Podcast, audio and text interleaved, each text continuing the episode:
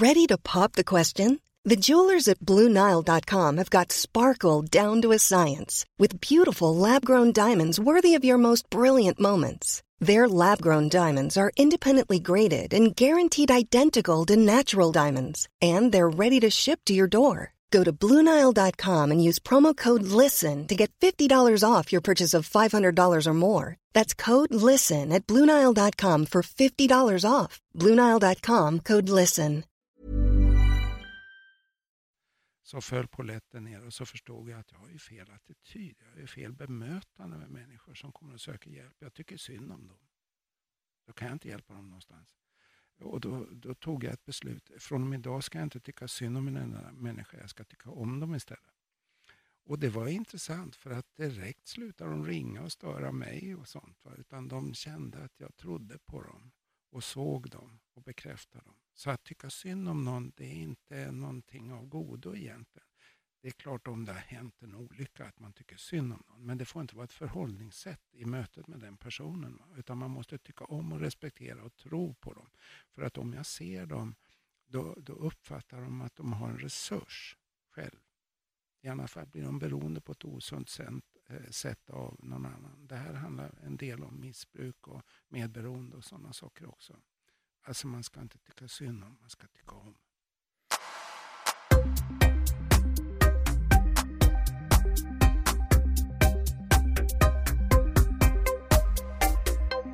Björn Ogeus, välkommen till Paul Elvaj Podcast. Ja, tack ska du ha. Um, för uh, de som inte vet så tänkte jag att du ska få göra en liten presentation av dig själv och vad det är du, vad du är specialist på. Okej. Okay. Eh, ja, jag är, eh, som specialist är jag narkosläkare och smärtläkare. Eh, men de sista 15-20 åren så skulle jag egentligen vilja beteckna mig som psykosomatiker. Alltså en läkare som jobbar med intresse och förståelse för de, de psykologiska aspekterna liksom de kroppsliga aspekterna och kopplingen däremellan. Och ofta när man går in i det fältet så möter man ju också livshändelser och livshändelsers betydelse för ens mående. Så det är vad jag är intresserad av nu. Jag började min bana egentligen som marinbiolog och forskade på eremitkräftor nere på västkusten. det, är, det är en ganska bra vändning, en, en tvärvändning i karriär va? Ja, men ändå inte så främmande därför då bär man med sig eh, helhetssynen. För det, när man tittar på eh, organismer och djur så är man eh, öppen för vad miljön betyder. Eh, men när jag kom in i medicinen så var det ofta att man fokuserade på något problem, något enskilt problem i, kroppen och sånt. Men har man med sig helhetssynen så hjälper den att jobba psykosomatiskt skulle jag vilja säga. Då tänkte jag att jag ska berätta en, en liten situation från, från mitt liv. Om jag backar, det är ganska många år nu, en 15-16 år sedan, okay. så var jag i en relation som jag kanske inte var jätte, jättenöjd med. Mm. Och jag vet att under den perioden så gnällde jag otroligt mycket på att jag hade en spänning mellan skulderbladen mm. som aldrig riktigt gick bort. Jaha. Och jag höll på och gnuggade det där och jag klagade och jag har så ont och det, det, det går ingen bort, det går inte bort, det spelar ingen roll vad jag gör. Mm. Men till slut så gjorde jag slut med den här tjejen mm.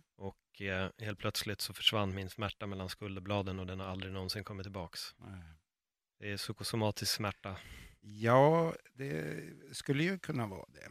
Eh, jag tycker man ska vara lite ödmjuk och inte säga att det är exakt så. Men ehm, jag, jag tror att det handlar om ansvar där faktiskt.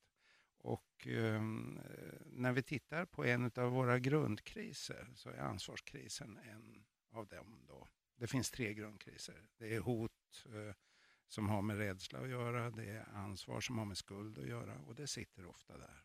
Mm. Över nackeskulderområdet, man bär ansvar. Och här skulle jag vilja ge dig ett råd och de som lyssnar ett råd. Eh, när man kommer in i en situation som är farlig eh, eller man uppfattar den som farlig, den är starkt känslomässigt laddad, då ska man lite tyst säga till sig själv, är det här farligt? Och är det farligt, ja då måste jag agera på en gång. Men är det inte så farligt, för det har ju varit länge det här, då har jag tid på mig. Och tid behöver jag för att reflektera, prata med mina kompisar, sova på saken och så vidare. Så det första det är att ställa frågan, är det här farligt? Den andra frågan som är viktig när man får ont över nacke, skulderområde och mellan skulderbladen, det är vems ansvar och vem bär ansvaret? Och det kan ju vara så att jag bär ansvaret som inte är mitt. Därför att jag tycker synd om den andra eller något annat. Och det tredje, vad vill jag och vad vill jag inte? Och då är det lika bra att göra det man vill. För om vi gör det vi inte vill, då får vi ont någonstans. ja, jag känner mig verkligen träffad i, i, de orden. Ja. Och jag tror nog att alla kan ibland hamna lite i det där läget att man, man kanske gör någonting som man faktiskt inte riktigt vill. Var, mm. Varför hamnar vi i det läget att vi vill ibland tillfredsställa andra människors liksom, glädje eller lycka istället för vår egen? Ja, jag tror att det har ett datum långt tillbaka i tiden. Hur vi har fostrats och så vidare. Va? Vår roll i familjen och, och så vidare. Det, det, blir lätt att någon blir ansvarsbärare och sånt. Va? Eh, vilken ordning jag kommer i, i syskonskaran skaran kan ha betydelse för ansvarstagande till exempel. Eh, så det finns många, många aspekter. Eh, men eh, det det handlar om det är att förstå. Det finns en, en poet och, och, han är, jag tror han är musiker också. Han brukar vara på radio också. Mm. Bob Hansson. Mm. Han säger ju så här, vi är inte våra känslor, vi bär dem. det har med självkänsla och sånt att göra också, eller hur? Ja. För är vi uppfostrade att vi måste bära alla känslor, då duger vi inte om vi inte gör det. Men och hur kan vi släppa på det? Finns det någon liksom, ja, jag, tror, jag tror man måste analysera och förstå. Eh, och det måste man göra som vuxen. Eh, som ett litet barn så fostrar vi, fostras vi från början genom att eh, signaler fångas upp av omgivningen och mamma och pappa och de talar om nu är du hungrig. Och då lär jag mig hur det känns att vara hungrig och så vidare.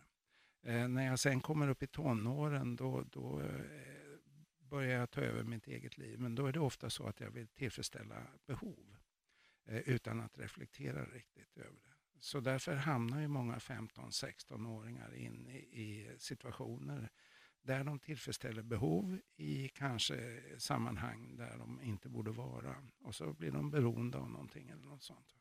Det är inte förrän man kommer upp i 20-25 års åldern som man kan börja reflektera lite grann över konsekvenserna av ett beteende. Därför hamnar många i, i missbruk i tonåren. Eh, men de kan göra sig av med missbruket när de blir mogna och kan lyssna på sina framlober. alltså eh, beslutsfattarcenter och sånt i vår hjärna. Jag eh, hade en psykoterapeut här för några dagar sedan. Då pratade vi just, vi, kom lite in på ämnet just missbruk. Mm. Jag tycker att, som jag sa till honom, desto mer jag läser och desto mer jag hör, mm. så blir min lilla, lilla tolkning av det här att missbruket kommer egentligen inte direkt ifrån substansen utan det kommer lite från att man vill bedöva någonting. Man vill ja. få tyst på de här ljuden eller ja. rösterna i huvudet. Ja, så är det. Och ofta handlar det om rädsla, förhållningssätt till rädsla. Jag nämnde den ena krisen, den där ansvarskrisen. Den har tre nivåer kan man säga. Kroppen, det pratar vi om, kan mm. göra ont i kroppen. Hur, eh, om vi nu säger att vi har en själ också, vad skulle det kunna vara? Jo, det är där vi har våra känslor, våra tankar, våra inre bilder och vår vilja och så vidare. Och kommer ansvarskrisen in på den nivån, då kommer begreppet skuld, inte skam. Men det kan bli skam av det också om de vuxna skickar ut mig i skamvrån. Då kan jag lägga skam på skuld. Eh, och den tredje nivån, den existentiella nivån. De ord som jag hör med de patienter jag möter som sitter fast i en ansvarskonflikt och inte hittar på en existentiell nivå en lösning på det. De pratar om hopplöshet. Så smärta, skuld och hopplöshet. Den andra krisen det var hotet. Om jag hotas av någonting, då sätter sig det i kroppen som en rädsla. Och jag känner ju igen rädslan genom hjärtklappning, ökade spänningar, allmän oro, sömnstörning och ma magen kommer i olag och så vidare. Vad händer i själen om, om hotet kommer in på den nivån? Jo, ångesten kommer. Och då är det ofta relaterat till andra människor och så. Och gränssättningar och sånt. Och på den existentiella nivån, där finns skräcken.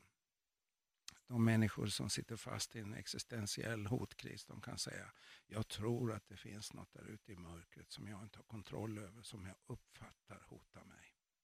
Och tror jag så, då får jag ångest. Och får jag ångest får jag rädsla i kroppen. Så det finns en kommunikation mellan de här nivåerna. Och tredje krisen, det var förlusten.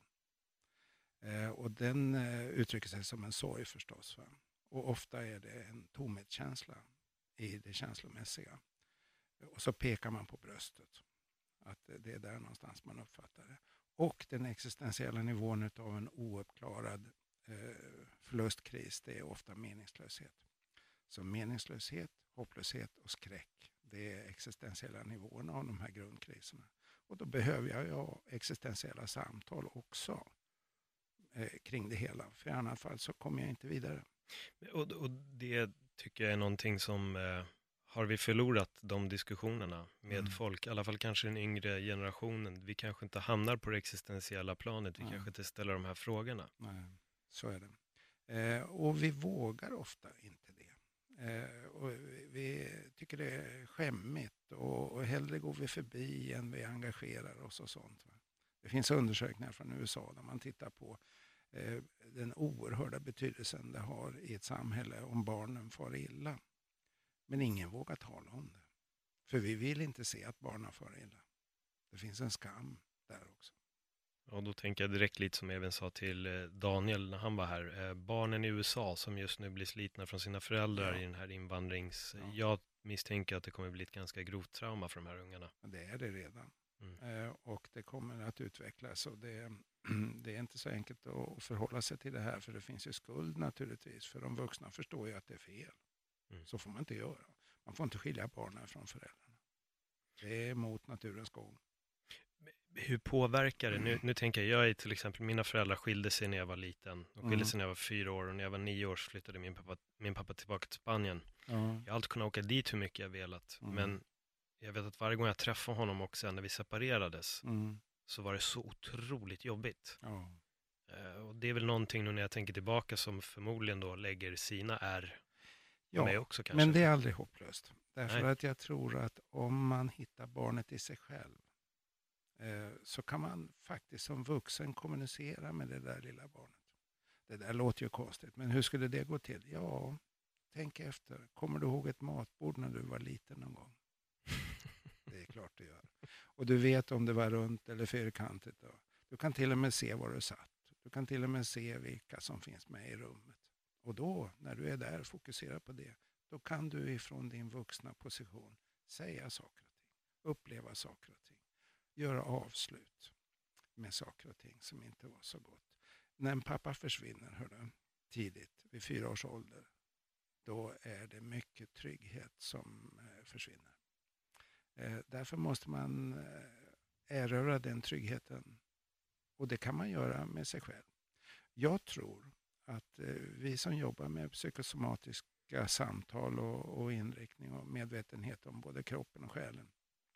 Vår uppgift är att vara lärare och vägvisare och medmänniska och behandlare. Men personen själv är den som är läkaren. Så tror jag. Och det är ju någonting som alla kanske inte riktigt tror. Nej. Då syftar just på att man kanske är i en existentiell kris eller vad det är, så känner man att det finns inget hopp och att man mm. vågar kanske inte lita på sig själv i det här läget. Att Nej. jag kan faktiskt hela mig själv. Men hur, hur kan man liksom få en person att förstå att du har möjligheten? Ja, det gäller att hitta den inre dialogen. Det gäller att hitta sig själv någonstans, för man är ofta vilsen i de här processerna. Och ett sätt som jag har jobbat med i många år, det är ju att jag ber personen rita en bild av sig själv.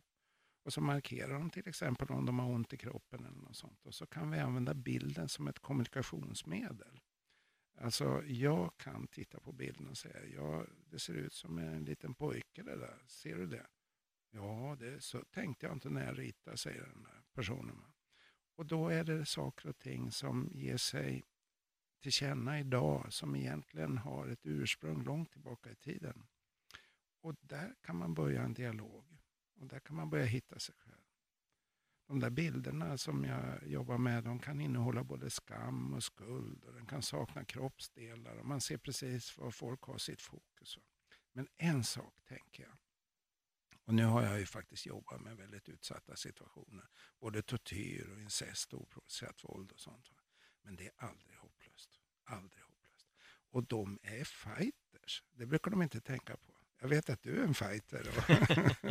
Och, och, och, det behöver folk höra också. Va? Därför de har inte givit upp. De skulle aldrig söka mig om de hade givit upp. Och det måste de förstå, att de är en fighter. Men de måste använda kraften på ett konstruktivt sätt, inte ett destruktivt om man bryter ner sig själv. För det är lite det jag faktiskt har upplevt med, med vissa människor som att de, de säger just det där att men jag, eh, men de är svaga, de kommer, kommer inte kunna klara det här eller mm. nu går jorden under. Men mm. sen ser man ju från utsidan att okej, okay, du har det jobbigt, men ja. fan, du är ju jättestark. Ja. Alltså, du, du är ju redan på väg att lösa det här. Ja. Det, det, det, ju, det, finns en struktur i hjärnan som heter hippocampus. Eh, och, det, och det, är en struktur som tar emot väldigt mycket signaler ifrån våra olika sinnen. Va? Eh, och den här hippocampus det har med ehm, vårt lokal eh, orienteringsförmåga eh, och även våra minnen att göra. Och om vi blir stressade under lång tid, och krymper den där strukturen. Så vi, vi blir mera splittrade, vi blir oroliga, vi tappar bort oss själva. Och stressen den kan göra att, att jag också börjar misstolka signaler utifrån. Om jag, om jag till exempel har ont i en hand och, och jag tänker att det här ska läka ut, men det gör inte det. Jag söker hjälp för det. Ehm, då kan, om inte smärtan går över, våra känselsinnen eh, ifrån det området börjar signalera att allting är smärta ifrån området. Man får alltså en överreaktion, man får en misstolkning. Och risken när man har varit stressad länge är att man börjar misstolka saker och ting i sin omgivning. Och då blir man också lätt misstolkad själv, därför man överreagerar. Jag har tänkt, ibland är jag på om, om jag är i ett socialt sammanhang eller vad det än må vara, vi säger att det är 19 personer där. Um, då brukar jag alltid tänka att just nu finns det också 19 upplevelser av vad som faktiskt pågår här. Ja, jo, det är rätt. Så är det. Eh, det är intressant det du säger och, och, det är därför man kan använda bilden som jag sa, som ett kommunikationsmedel. Jag kan se, jag säger inte sanningen, men jag ser någonting ifrån mina ögon i bilden och jag frågar, hur ser du? Och så kan vi kalibrera saker och ting och så kanske det visar sig att, att det var inte som det kändes. Jag tänker lite på det här med, om vi går tillbaka till, till barndomen. Jag vet mm. att i mm. en av dina böcker så har du roller och självbild och barndomens roller. Mm. Jag är lite nyfiken på barndomens roller. Jaha. Eh, egentligen så har jag hämtat de tankarna ifrån Tommy Hellsten som är en psykoterapeut i Finland. Eh, och han har vuxit upp, vad jag förstår, i alkoholens skugga. Eh, och det är där de här rollerna myntas. Eh, det finns egentligen fem roller man pratar om som, som barn kan ta till sig i, i situationer där alkoholen finns. alkoholen är besvärlig för att den, den är inte tydlig, den är otydlig. Ena stunden så är den vädjande, andra stunden är den hotfull och, och så vidare. Eh, så hur kan barn göra? Ja, en del går in och tar ansvar. Eh, och så blir de syndabockar. Du menar då alltså att de tar ansvar för föräldern som ja, alkoholist? Ja, mm. eh, och jag menar det finns ju även i, i medberoendet i vuxen ålder. Eh, men det kan ju barn göra. En annan roll som barn kan ta det är maskrosbarnet. Det vill säga den klarar sig bra även om det har varit väldigt besvärligt. En tredje roll är clownen. Och clownen är ju den som skämtar och, och egentligen eh, känner att den måste göra alla andra glada. Men vad clownen behöver det är att komma in i sanningen. Och när sanningen kommer så kommer sorgen. Eh, så därför har vi våra clowner ritade leenden och tårar på, på alla skrattar och sånt men clownen gråter. Sen är det familjehjälten. Och familjehjälten den fixar och donar och, och ordnar allting. Eh, det är inte syndabocken. Den är inte skuldbelagd utan den är duktig. Men problemet för familjehjältarna det är när de kommer in i en situation i livet där de behöver eh, ta emot hjälp. För de litar inte på någon annan än sig själva. Så familjehjältar, osynliga barn, syndabockar och klaner och sånt finns. Eh, och, och de, eh, de, har man med sig. Ofta är det så att de barndomens roller eh, de faller man in i när man kommer in i konfliktsituationer senare. Eh, och ju fler personer som är samlade i samma rum, ju större risk att det är fullt med barn där inne. kan man säga. Och, jag tänkte, du är ju lite inne på det, hur påverkar det här oss då när vi blir äldre? De här sakerna som vi tar med oss från barndomen. Jag menar, det påverkar väl både vår, oss i våra yrkesroller, i våra relationer och hur vi tolkar saker. Ja. Eh, och ehm, ofta kanske vi väljer någon partner som kan komplettera oss eh, på något sätt eh, och, och, vi kan komplettera dem. Men ibland när det skaver så behöver vi ju ändra de där rollerna och göra upp med dem och göra avslut. Det var det jag nämnde förut, man ska inte göra avbrott för då har man kvar processen. Jag kan flytta till Sydamerika i en skilsmässa men jag har kvar känslorna i alla fall. Men gör jag upp med, eh, och, och gör ritualer där jag gör avslut. Då kan jag flytta till Sydamerika och vara fri. Det där är jätteintressant, för jag vet ju att det här med att just göra slut eller ja, mm. bli lämnad, får man ja. väl säga, är någonting som är en, det är en otroligt jobbig process. Hur kan man göra den processen enklare? Ja, sanningen är ju det enda raka. Alltså att våga konfrontera det som är obehagligt. Eh, om vi tar exempel med mobbing Eh, Eh, att det är någon individ som blir utsatt för, för, andra människor eller någon människas eh, spott och spe. Eh, så kan ju den, om den inte får hjälp att eh, processa det hela, börja tro att den blir behandlad som den är värd. Och då behöver man hjälpa den personen att komma in i sanningen. Och då måste man ställa den existentiella frågan, är inte alla lika mycket värda då? Jo, säger den här personen. Ja, men då är du det också. Då måste man verklighetsförankra de här tankarna man har fått med sig på resan, att man är värd som man blir behandlad. Och det är då man behöver sätta gränser och tala om för, för dem, dem eh, i sitt inre eller rent fysiskt att nu från den här stunden så får du ta ditt eget ansvar så tar jag mitt, men gå nu. Man sätter alltså en tydlig gräns. Eh, och då, när man gör det, då kommer man ofta in i sorgen. Sorgereaktionen, därför den har legat inunder hela konflikten. Så när man ska separera måste man prata sanning och kanske att man till och med behöver gråta tillsammans för att kunna skiljas. Mm. det är inte det enklaste. Nej, och, och, det är ju verkligen inte det för alla, speciellt kanske inte just för män. Tror jag nog att det verkligen är det här med att ja, man, man ska inte gråta. Uh, jag har som jag sagt i tidigare på då, att jag har nog lika lätt för att både skratta och gråta. Mm. Det betyder inte att jag gråter hela tiden, Nej. men jag har inget problem med det. Nej. Om jag känner att det måste ut, då släpper jag jättegärna ut det, för att mm. jag är orolig för folk som väljer att stänga in och stänga in och stänga in. Så är det. det, det jag tror att det är en styrka. Alltså, eh, att möta det som vi kallar för svaghet är en styrka. Och, och ehm, det är inte ovanligt på en smärtmottagning att man jobbar med ett begrepp som heter alexitomi. Och det betyder att man har svårigheter att uttrycka känslor med ord. Och man blandar ihop känslor. Så man kan bete sig som man är arg fast man är ledsen egentligen. Och så vidare. Hur ska vi göra för att våga bemöta våra svagheter? Vi måste bekräfta varandra. Jag har funderat mycket under årens lopp på vad är det för krafter som gör att människor kan komma på spår Jo, det är det jag vill kalla för kärlek. Eh, och det är att se och höra och bekräfta och beröra och trösta och sätta tydliga gränser och ingjuta hopp. Det är motgift mot den andra kraften som ofta styr i vårt samhälle och i vårt liv och det är rädslan. Hur känner jag igen rädsla? Jo, jag blir förvirrad. När jag möter en människa som är rädd så ger den mig dubbla budskap och då blir jag förvirrad. Så om jag möter en person och blir förvirrad så ska jag inte börja rannsaka mig själv. Jag måste vara dum som inte fattar. Utan, aha, det finns rädsla här i rummet eftersom jag känner förvirring. Det andra som har med rädsla att göra det är skuldbeläggningen. Som jag känner mig ansatt. Och, för tänk efter, om någon är rädd, visst är det vanligt att man skyller på någon annan än sig själv. Mm. Civilkurage är ju inte det vanligaste direkt.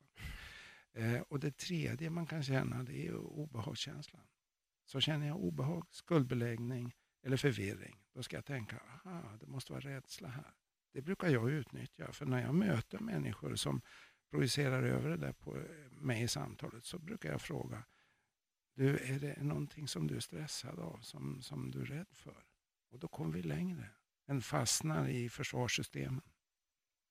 Är vi rädda för att bemöta våra känslor? Ja, det skulle jag vilja säga. Ja.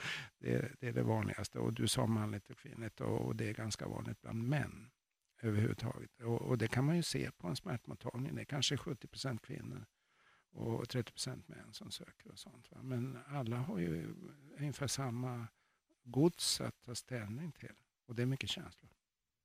Och om jag förstått det här rätt så mycket då kommer ändå från grunden av vår barndom. Det mm. sätter liksom grunden för hur vi kommer bli som äldre och hur ja, vi kommer reagera och känna. Ja, eh, men vi behöver inte säga automatiskt att det behöver bli så. Vi kan alltså göra en förändring. Eh, men den sker inte av sig självt. Va? Alla förändringar tar emot. Mm. Så är det. Även om vi går åt något gott håll så, så håller vi hellre tag i något destruktivt självanklagande system än att vi går ut på djupt vatten där vi inte har kontroll. Jag, jag tänker på förändring. Det, det här har på något sätt blivit som en så lite lustig, jag vet inte, metafor eller vad det är, men jag minns när jag var liten mm. så uh, var det en demonstration vid Årsta för att de ville bygga Årstalänken. Okay. Och då var folk där och demonstrerade och sa att men gud det kommer bli hemskt. Ja, det kommer sticka upp en skorsten här ja. och, och, och, det kommer bli så fult och det är inget bra och bilarna kan inte åka mm. under marken.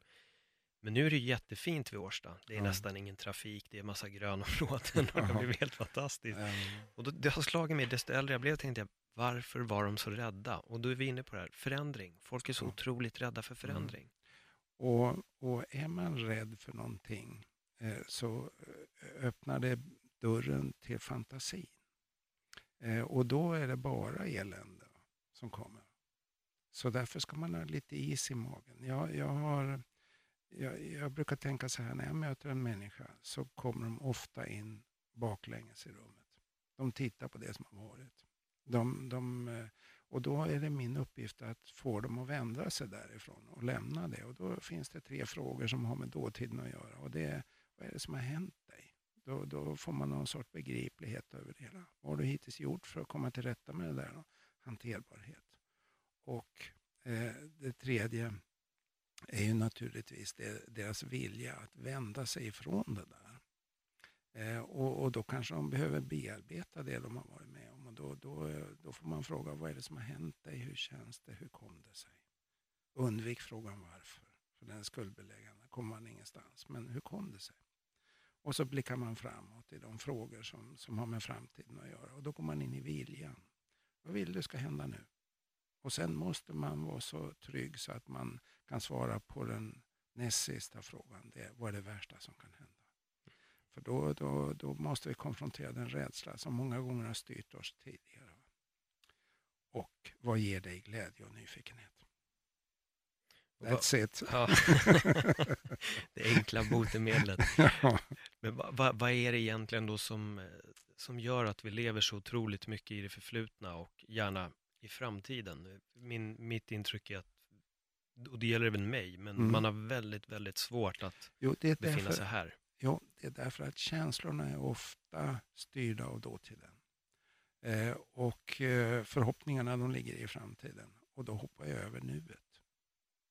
Så det är därför det är viktigt att ta reda på vad är det som händer nu? För att vi kan ju inte styra livet. Alltså om det skulle komma en, ett plan och störta mig, på mig när jag gick ut härifrån så, så är det ju ingenting jag kan gardera för. Va? Jag måste leva i nuet. Just nu är livet. Ja. Vilket, har du något tips för hur en person som faktiskt lever för mycket i det förflutna, alternativt också i framtiden, hur de kan göra för att faktiskt bara börja befinna sig här och nu? Ja, det är ju att eh, ta reda på vems ansvar det är. Mm. Och förlåta det som blev fel. Eh, man kan förlåta föräldrar, man kan förlåta människor som personer. Men man ska inte förlåta det de har gjort om de har gjort en illa. Jag ser vad du har gjort, jag kommer aldrig acceptera och godkänna det. Men från och med nu, för du tar ditt eget ansvar, så tar jag mitt. Och jag kommer inte att anklaga dig, men gå nu. Jag läste en bok som handlade om eh, lucid dreaming, att kunna kontrollera sina drömmar. Mm. Um, och då, jag tyckte den hade väldigt intressanta övningar i den, för den, den, handlar om att man måste förstå att man drömmer. I drömmen så kommer drömmen alltid säga till dig att du är vaken, den kommer mm. vilja lura dig. Mm. och då sa de att det du kan göra är att börja känna på strukturer. Var du än är, stanna upp och känn på en struktur. Mm. Om du går någonstans, ja. lukta. Mm. Känn vad du känner för dofter. Mm. Och då insåg att den här boken handlar egentligen inte om att inse när man drömmer, utan den handlar om att faktiskt förstå när man är vaken på riktigt.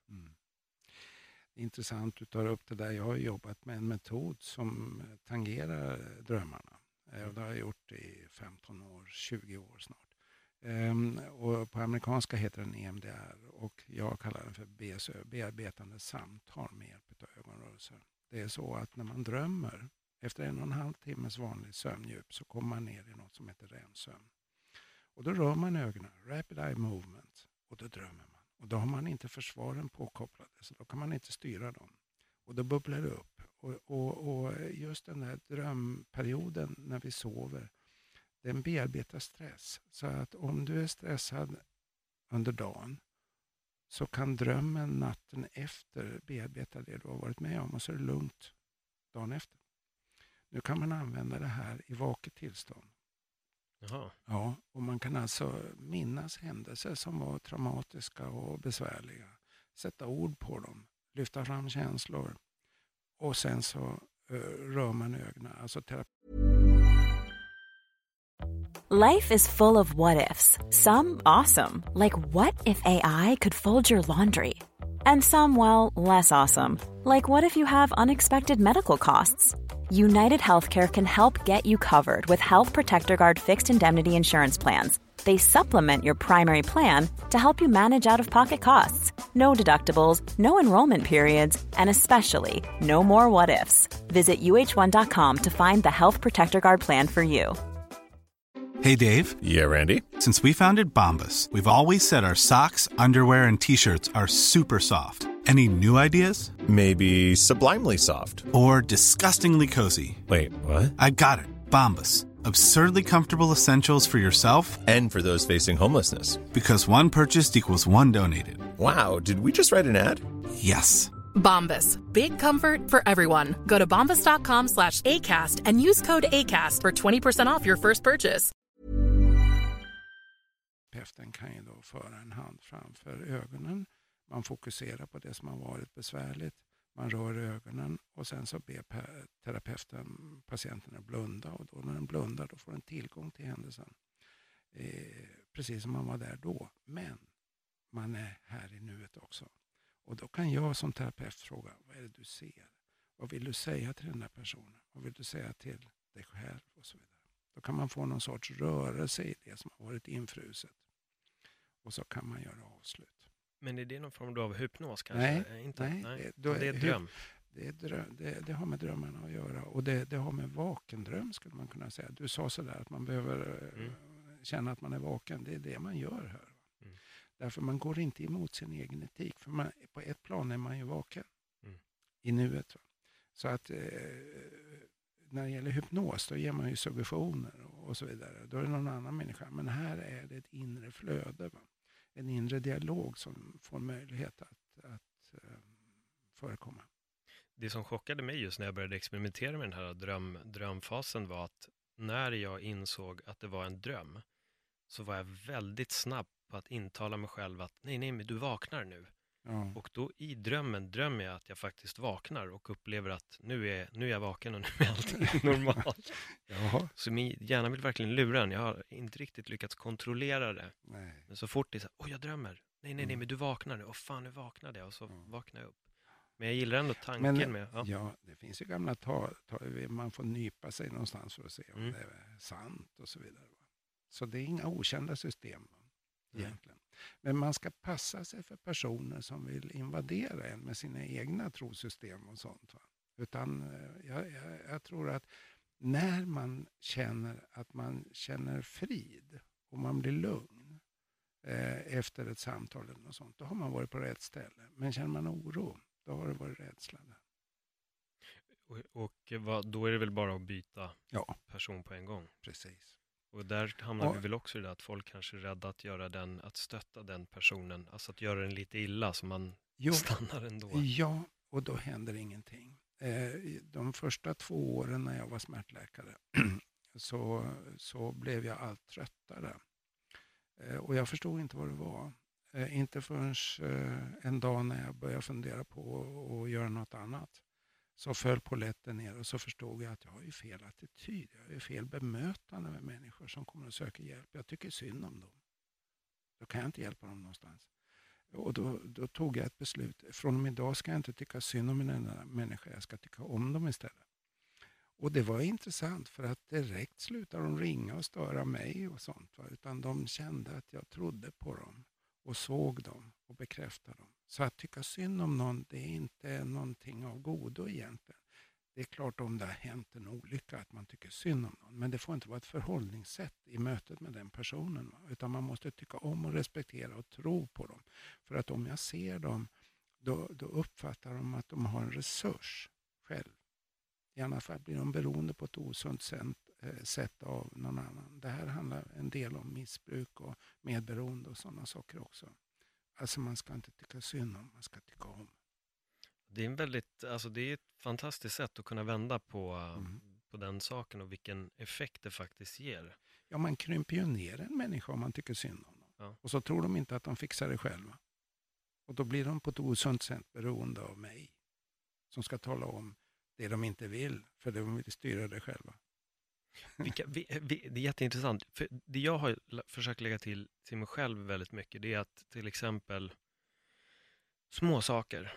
Om jag åker tunnelbana till exempel och så finns det en plats kvar, då ger jag gärna den platsen till en annan mm. person. Mm. Uh, jag vet inte, ge ett leende, hälsa på en person, ja. vara trevlig när man bemöter mm. folk. Mm. Och jag har märkt att så fort man börjar agera med ett trevligt bemötande så får man ja. tio gånger tillbaks. Ja, så är det.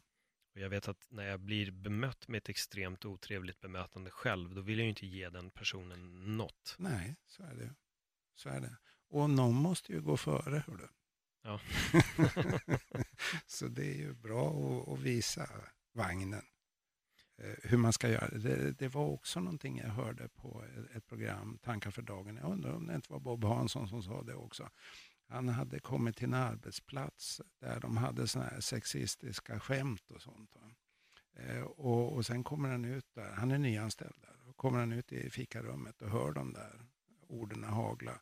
Och då han reser sig upp och dunkar näven i bordet och säger, så här gör man inte. Sen var det slut med det på det där jobbet. Alltså, någon måste visa på platsen när är ledig eller något sånt.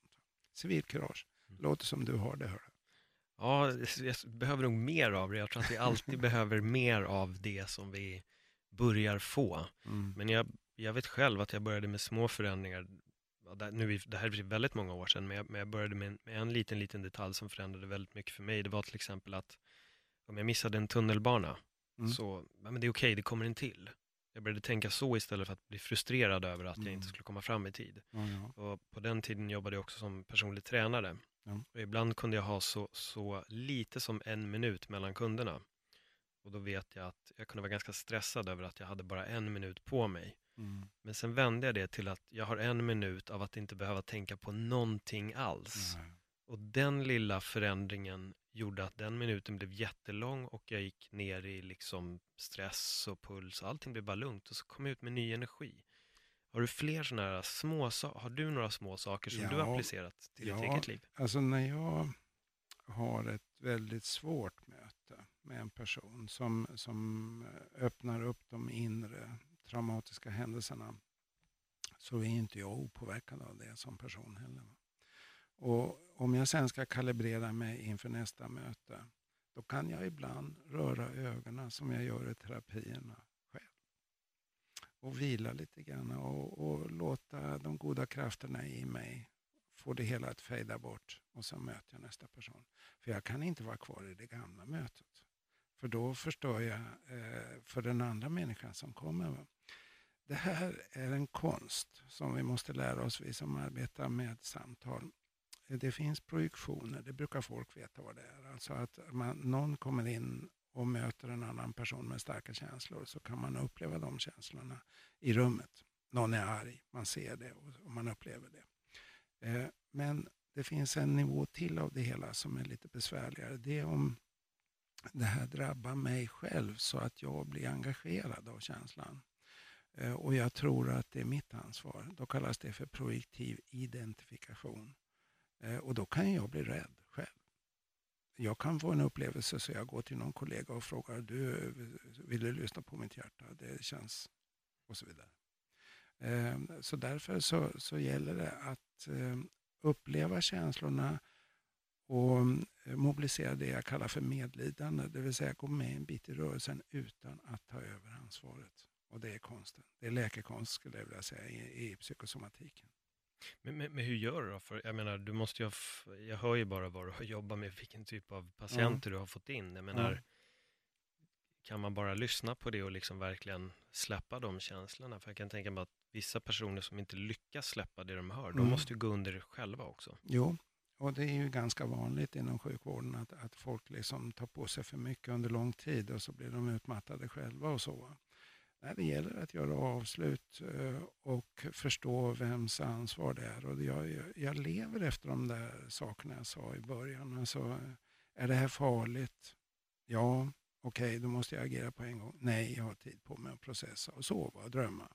Eh, och, och sen måste jag fördela ansvar. Vems ansvar är det? Det känns som det är mitt, men är det det? Och vad vill jag och vad vill jag inte? Det, det, det där är the hard way, alltså som narkosläkare. När det pep i fickan och man var på storsjukhus och, och, och, man såg att nu är det liv och död någonstans. Så sprang man dit och så trodde man det var liv och död. Men det var ju inte alltid det. det ibland var det falsk larm, vargen kommer eller något sånt. Va? Och då var det en äldre kollega som sa till mig, du ta det lite lugnt. Du behöver inte springa på allt så mycket du orkar, utan du hinner göra. Och det var då jag fick den där tanken att ta reda på om det är farligt eller inte. Det är en jätteviktig fråga. Och, och jag, jag, tänker lite just nu på um, nyheterna, sociala medier. Mm. Eh, folk är väldigt rädda. Ja, ja. Och eh, de kanske inte riktigt rannsakar sig då om, är det verkligen farligt? Nej. Och då kommer anklagelsen. är man rädd så är det någon som är syndabock. Och så, ja. Mm. Och eh, vi, vi, såg ju nu till exempel eh, hur, hur Alltså jag tror ju att de här kriserna de ligger lagrade på enligt ett visst mönster i vårt inre också. Ytterst så har vi vår roll och sen kommer i allmänhet rädslan. Under den så kommer skulden. Under den så kommer ilskan. Under den så kommer sorgen. Och sen kommer friheten. Så vi måste in i den där löken. Även om tårarna rinner och det luktar och sådär. Så vad händer då, då när Jimmy Durmaz och de här kommer ut på banan och, och, Sverige inte lyckas hålla emot de sista tio sekunderna? Jo, man söker syndabock. Ja, det blev Durmaz. Ja. Jag blir så chockad för det där, för jag... Alltså, någonstans, det är ju det är bara en sport. Alltså, mm. jag vet till exempel, mm, Alexander Gustafsson eh, fightades i Friends Arena och förlorade den matchen. Det här är väl nu en fyra år sedan tror jag. Precis samma dag fick jag faktiskt veta att en av mina barndomsvänner, jag hade inte haft kontakt med honom på flera år, men han hade gått bort. Mm. Jag fick veta det den dagen och det, det tog verkligen hårt. Mm. Jag vet att när Alex förlorade så vet jag, hade det här varit en annan dag, då hade jag blivit väldigt besviken. Så, mm. Alltså ledsen, man blir så, fan ja, vad tråkigt, liksom. jag gillar ju verkligen Alex, det är en, mm. vän. Mm. Men när det hände så kände jag bara, ja men han lever faktiskt. Ja, ja. Och sen kunde jag sova. Mm. Och det, det är det där lite perspektivet ibland på så. saker. Men, men, jag är så otroligt chockad när jag läser folks kommentarer om det här med Jimmy Durmaz till exempel nu. Och, mm tänker jag, wow, är det, är det på den nivån vi, vi har landat? Att vi liksom, jorden går under för att man förlorar en match eller? Men vet du, fotboll är något speciellt. ja, jo, när, bom, när bomberna faller, då sitter, då sitter barnen och tittar på någon tv någonstans i ruinerna på någon fotbollsmatch. Alltså det har någonting med något ursprung. Jag tror att det är så här att det finns eh, mycket har med tre att göra. Och det här har också med, med tre att göra. Och det är, om man ska hjälpa en människa som är traumatiserad och har det besvärligt så måste den vara stabil. Och det första den måste känna är trygghet. Det andra är gemenskap. Och det tredje är förutsägbarhet. Om jag kan hjälpa en människa dit, då kan vi börja jobba med traumat och sånt. I annat fall måste vi säkra upp tryggheten. Eh, och gemenskapen, ja, där har vi fotboll och allt möjligt också. Eller hur? hur? Hur är det att stå på Friends Arena när Sverige gör mål? Jag har varit där. Mm, det är speciellt. Det är mycket speciellt. Mm. Det, det, alla blir bundisar och bästisar och sånt tills de går ut och börjar murarna växa mm. upp igen. och sånt. Men just där och sånt, det är gemenskap. Mm. Och det är någon sorts trygghet att vara i ett större sammanhang. Då. Och, och um, det är dit vi ska söka i våra liv. Men sen så ska vi inte hålla på med, med fake news och falsk trygghet, för sånt finns ju också. Jag, jag, tänkte lite, när du ändå nämner det här med att stå i en, stå i en grupp, och det blir en viss, alltså det blir verkligen en energi. Mm. Um, kan man ta det så långt att i de, de instanserna är vi alla en? På något sätt så är det det. Um, och eh, på gott och ont kan man säga. För jag känner en psykolog som har varit eh, samtalspart för, för människor på, som har suttit i fängelse. Som har gjort väldigt besvärliga saker. Och, och eh, hon berättade att eh, när, ehm, när hon kunde lyssna på, då blev de liksom ett. När man fick höra och bli bekräftad av någon även om de själva hade dömt ut sig för vad de hade gjort och allt möjligt sånt, va, så, så finns det någon kraft som är större. Eh, och, och, det är att bli ett. Eh, de, de två skulle bli ett mm. i våra relationer och sådär. Och, och, när vi samlas runt någonting som vi... Att det värsta rädslan vi har är att inte få vara med i gruppen den självvalda, när man är, väljer att inte vara med i gruppen, den är okej. Okay, men den icke-valda, eh, du får inte vara med. Den är den värsta. Jag vet, eh, det är faktiskt så här jag känner Niklas. Eh, okay. Jag startade en street workout-grupp tillsammans med en kompis för några år sedan och vi kallade oss för Bar Mafia. och det jag märkte var, för man, vi tränade på, på bars då, ja, ja. och då vet jag att väldigt många ville vara med. Mm. vilket jag själv vet att jag också har velat ibland, men så mm. fort man skapar en grupp, ja. då vill folk direkt tillhöra. Ja. Jag tycker det är väldigt intressant. Vad är det ja. som gör att vi... Vi är ju flockdjur och så. Mm. Och vi känner trygghet i gruppen och sånt. Så är det. Och den får inte vara för stor heller. Eh, jag tror att eh, i ett publikhav så är det ändå små grupperingar. De, de, de relaterar till de som finns runt och lite sånt. Va? Även om det är tusen pers eller flera tusen eller något sånt så är, blir det små grupperingar.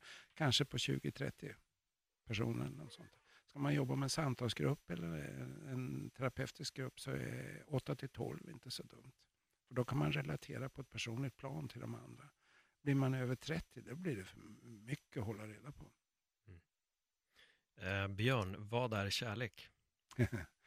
Ja, det är den överlevnadskraft som finns eh, och som vi har alla fått ett uppdrag att förvalta vidare. Eh, det handlar om att, att se och höra, som jag sa, och bekräfta, och beröra, och trösta och ingjuta hopp och försonas. Ehm, och förvalta egentligen det vi har fått att förvalta. Vi kan inte förvalta någonting i rädsla, men vi kan förvalta det i kärlek. Och kärlek ska vi sträva, sträva efter, inte rädsla. Vad händer om vi får för lite kärlek? Ja, då, då, mm, då tynar vi nog bort. Så vi, vi, vi, mm, vi behöver det som en livselixir kan man säga. Eh, och ehm, jag hade en gång, när du säger det där, då, då kommer ju en del minnen här förstås. Jag kommer ihåg en person som som levde ensam. Eh, och eh, när hon gick ner i, i affären så köpte hon två bullar. För att hon skulle låtsas om att hon inte var ensam. Mm. Hon åt en bulle och kastade en. Är det inte sorgligt? Jo, mm. det är det. Och eh, så ska vi inte ha det. Eh, vi ska se varandra och vi ska lämna plats på tunnelbanan mm. när vi ser att det finns. Va? Och när vi själva orkar ja. stå. Ja, men det är så fascinerande, för jag, för jag har märkt också att de gångerna jag gör det så får man ett sånt stort leende tillbaks. Ja, det är sån otrolig uppskattning. Att, Ja. men, sätt dig du. Ja. Åh, tack. Folk blir faktiskt Ja. chockade nästan. Mm, Ja. Jo, alltså det är eh, lätt, alltså det, overcrowded effect är att man börjar då liksom markera med hårda armbågar va, mot varandra. Men bryter man det, då kan det bli att man badar i, i eh, fontänen tillsammans. Vad skrämmer dig? Ja... Um, det som innehåller uh, skräck. Alltså som kan attackera mitt trosystem. När jag inte har balans. Uh, när, när jag inte har en överblick och förståelse, då kan jag bli rädd. Och sen vill jag ju naturligtvis leva, precis som alla andra, tror jag. När du ändå är inne på livet så undrar jag, vad är din största lärdom under de här åren? Ja, det är att resursen är inte hos mig. Mm. Utan om jag, eh, om jag kan hjälpa en människa att hjälpa sig själv och jag får feedback på det, då är det livselixir för mig också. Vi snuddade vid ämnet innan du och jag började spela in och det var placebo. Ja, Och det är någonting som jag tycker är väldigt intressant för ibland när man har eller någon har tagit någon, eller det, det är någon studie på någon medicin och då måste man slå över den här placebotröskeln. mm. Och ehm, jag vet att det var en, en kompis som hade tagit ett kosttillskott, zink, ren, bara zink, och hade Mm. hört att man blir lugn av det och trött. Mm. Då säger personen, jag har precis tagit zink så jag håller på att somna. Mm. Och det är en ganska grov placeboeffekt med tanke på att zink söver inte dig. Det är inte Nej. ett sömnmedel. Eh, ja, placebo. Alltså, jag tycker att vi ska ha respekt för det. Man brukar i vetenskapliga studier komma fram till ungefär 30 procents effekt utav någonting. Eh, är det placebo. Det vill säga en positiv förväntningseffekt. Det är det det handlar om. Motpolen till det, det kallas för nocebo när det gäller smärta. Så att jag kan alltså skapa en, ett möte där jag inte får så stor effekt utav en medicin därför att jag presenterar den på fel sätt. Den här ska du ta så du inte får hjärtinfarkt. Den här ska du ta så du inte får hjärnblödning. Vad ropar burken varje gång jag vrider av locket då? Jo, hjärtinfarkt. Då. Mm. För inte finns inte. Nej, det blir en tvärtom effekt. Ja, det blir tvärtom effekt. Men eh, det här finns eh, mycket studier på där, där man har sett. Och, eh, till exempel så, så finns det studier som talar om om du ger 10 mg morfin till en människa som har ont så får de samma effekt som om du skulle ge, alltså det är sockerpiller då, om du ger sockerpiller och säger att det är 10 mg morfin, eh, så får du samma effekt som om du ger 7 mg. Så, så, eh, och, och det motverkas mo, eh, om du skulle ge motgift mot morfin. Mm. Så att då får de tillbaka smärtan. Så, så jag tycker inte vi ska säga bara placebo. Vi ska alltid eh, eftersträva ett möte som skapar en positiv förväntningseffekt. Och om folk får välja så blir det så. De ska vara så informerade om saker och ting så att de med trygghet kan välja en behandling och vara delaktiga i den. Då blir det bästa placebo. För det som fascinerar mig ibland är, vi har sett vissa kommentarer på Facebook, så, ah men haha, det där är bara placebo. Men är inte det att underskatta placebo? För jag Jo, tänker jo, jo, om du får den effekten, Jo, då betyder det att vi på riktigt kan hela oss själva. Ja, ja, ja. Och, och det går in i våra helande krafter som vi har. Va? Det är rätt intressant. Det finns en, eller fanns en medicin, jag vet inte om det finns nu, som heter Brufen. Eh, och det är en liten vit tablett här i Sverige. Eh, men jag fick tag i en sån där ifrån Grekland. Och det är en stor rosa kapsel, jättestor. Varför ska de ha en rå, stor rosa i, i, för samma eh, 400 milligram? om det inte var placebo. Jag tror inte man kan komma ner i Grekland och säga att du ska ta den här så blir det stor effekt. Nej. Men här i Sverige går det bra. Mm. Lite kulturellt också. Ja, faktiskt. Mm. Um, ska se. Jag tänkte egot och jaget. Varför är vi så pass, eller inte vi, men väldigt många extremt egostyrda? Mm. Att om någonting sägs som till exempel, eh, ja, men jag som jobbar med MMA, jag kommenterar MMA, ibland kan det finnas någon som vill rikta en viss kritik då. Tycker Mm. att, ja men Paul han är skitdålig, han är sämst. Mm. Eh, jag kan välja att ta jätteilla upp och vilja förklara för personen att jag inte är det. Mm. Eller så gör jag det simpla att jag väljer att skita i det för att Mm. vad han tycker spelar egentligen ingen roll för Mm. jag, jag vet själv vad jag är bra och inte bra på. Mm. Men varför tar vårt ego så, så, stryk många, så mycket stryk många gånger? Ja, det handlar egentligen om självkänsla, det handlar om självförtroende. Alltså jag är och jag gör och mitt eget värde. Men det finns också vetenskap i det där. Så att eh, om man eh, tittar på eh, en publik som ska höra ett föredrag eller som du som hade stand-up förut, va? Mm. vad jag förstår, eh, så är det 4% som inte vill se dig. Du kan göra vad du vill. Du är, på något sätt så påminner du om någon i deras inre galleri som de inte gillar. Och då vill de inte lyssna in eller något sånt. Och du kan göra hur mycket du vill. Du får aldrig med dem på tåget. Men och 20-30 procent de kommer att tycka att de älskar dig redan innan du börjar prata. Eh, resten får du jobba för. Brukar Och, vi, och vad har vi vårt fokus? Det är det som är problemet. Vi lägger ju alltid på de som inte skrattar. 4 procent. Mm. För jag, jag brukade faktiskt tänka på det, innan, in, inte innan jag gick upp, det var bara en allmän tanke jag hade att jag kommer inte få alla att skratta, Nej. men eh, jag kommer få alla att skratta någon gång Ja. i alla fall. Men, men jag visste att jag kommer aldrig få med mig 100% här. Nej. Och jag tror att, men, och, och det gjorde också att jag ganska snabbt kunde vända tanken att inte fokusera på 4%. Medan väldigt många kunde göra. Och där, en sak som jag tyckte var väldigt intressant, det var när någon sa, det är svår publik idag. Det är en svår publik. Men när jag lyssnade så märker jag att publiken är tyst. Ja. Det betyder att de lyssnar på Ja, komikerna. Ja, visst. Men då började alla som inte hade gått upp, fan det är jättetuff publik idag, så nu är det riktigt svårt. Mm. Och då visste jag att när jag går upp, då kommer jag få alla att skratta. Mm. På grund av att de är uppmärksamma, de väntar bara på någon som faktiskt kommer att ge dem Ja. liksom humor. Medan de andra gick redan upp och var rädda. Där rör du ju vid någonting som är oerhört viktigt. Eh, eh, eh, det är en lång historia, men slutet på historien. Jag hade suttit i, i möte med en person och fått projektioner om hennes...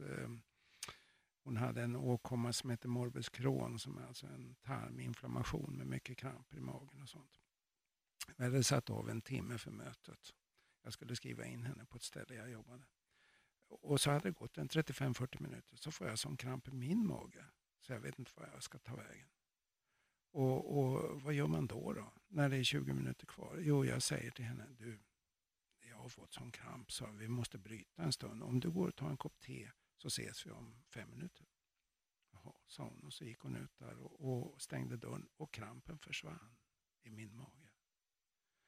Och där satt jag och tyckte att jag var proffs och allt möjligt sånt där. Men när hade det hänt någonting i det där rummet som jag inte förstod? Och när hon kom tillbaka så sa jag till henne, du den där krampen den tror jag kom från dig. Eh, så den får du nog ta tillbaka för den vill inte jag ha. Och då tittade hon på mig och sa, nej jag vill inte ha den jag heller. Och så skrattade vi. Och vet du, det förlöste hela situationen. Och då, okej, vad gör vi då, då? Här har vi en kramp som inte du vill ha och inte jag vill ha. Vi lägger den i stolen där vid sidan av. Och så går vi tillbaka i samtalet och försöker hitta vad det var vi pratade om när krampen kom till mig. Och vet du vad vi hittade? Vi hittade ett annat läkarbesök många år tidigare. Där hon var så djupt kränkt. Så hon gick utanför den dörren så spottade hon på golvet. Och där sitter jag som representant för läkarkåren. Och hon har gått och laddat i många år för att bli av med den där krampen. Som är alltså en ilska. Och satt i magen. Så där kunde skrattet förlösa och jag tror att skratt är det bästa. Om man hittar det. Som förlöser spänningar. Eh, det finns en kollega till mig som han har gått bort nu. Men eh, han, han satt i ett möte i, han, i Australien med, med en patient och det var det ena eländet efter det andra som kom. Och han, han satt och sa tyst till sig själv, inte en sak till för då kommer jag gapskratta för det är bara för mycket. Och så kom det en sak till och han började gapskratta. Och det gjorde patienten också. Och då kunde de gå vidare. Så skratt är inte dumt. Nej, det är, väl, det är ju extremt förlösande och jag vet om man har haft det jobbigt och man väl inser att man faktiskt kan börja skratta igen, då har man också börjat läka igen. Mm. Man har börjat komma tillbaka. Så är det. Och det finns ju skrattterapier och annat också. Man, överhuvudtaget rörelse. Eh, skratt är ju någon, det, det, det, är en sorts rörelse. Och man gick ju i terapi förr. Ute i parker och skrota och pratade med varandra och öppnade sinnena med, genom rörelsen. Så du frågade mig i kärlek, om man inte får det, ja då blir man isolerad och i inte rörelse. Mm. Så därför så liv är rörelse. Om vi skulle avrunda med att du får ge några tips på hur man kan göra för att helt enkelt må bättre. Men, men först, den första frågan egentligen, för jag tror inte vi har tagit upp den. Men hur särskiljer man på vanlig smärta och psykosomatisk smärta? Man skiljer inte på dem. Man gör inte det? Nej, det finns alltid en känslospegel till den somatiska smärtan. Mm. Så gör det ont så, så drabbar det en person som är större än tån. Om jag säger så. Ja. ja. Eh, vilken fråga hade du? Ja, men precis, det är lite, om du kan ge bara några generella tips, hur kan man göra för att ja, men må bättre? Finns mm. det några sådana här ja. S i rockärmen? Ja, jag tror att det handlar om att se sig själv. Du frågade om kärlek förut. Och jag är tillhör kärlek. Ehm, och det har med självkänsla att göra. Om du skulle lyfta fram tre egenskaper från dig själv som du vet är sanna och som du tycker om, som du är stolt över. Om du skriver ner de egenskaperna och så säger du jag är och så säger du det du har skrivit upp. Jag är. Och så tittar du dig i spegeln morgon och kväll. Och så bekänner du det som är sant om dig själv. Så lovar jag att du kommer att få ett förändrat liv. Mm. Fantastiskt. Det tycker jag var en, en bra avrundning. Mm. Eh, Björn Geus, jag måste säga ett jätte, jättestort tack för, för det här samtalet och jag hoppas faktiskt att du och jag kan sätta oss vid ett annat tillfälle och, och prata mer för mm.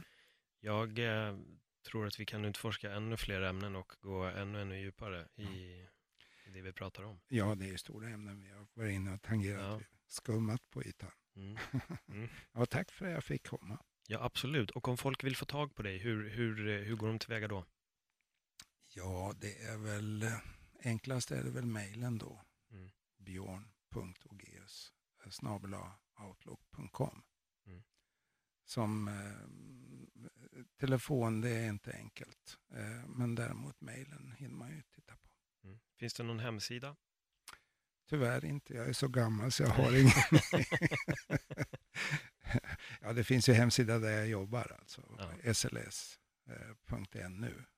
Alltså Stockholms led och smärtspecialist. Mm.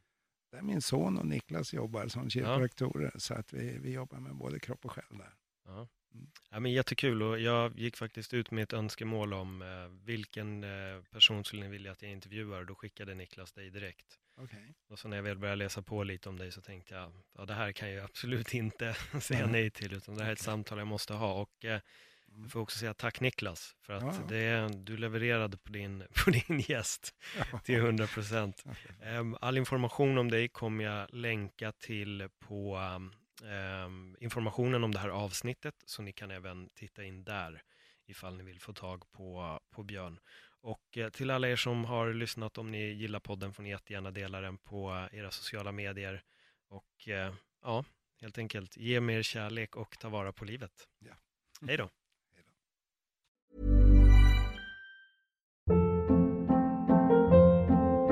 Hold up. What was that? Boring. No flavor. That was as bad as those leftovers you ate all week. Kiki Palmer here, and it's time to say hello to something fresh and guilt-free. Hello Fresh. Jazz up dinner with pecan-crusted chicken or garlic butter shrimp scampi. Now that's music to my mouth. Hello Fresh. Let's get this dinner party started. Discover all the delicious possibilities at hellofresh.com.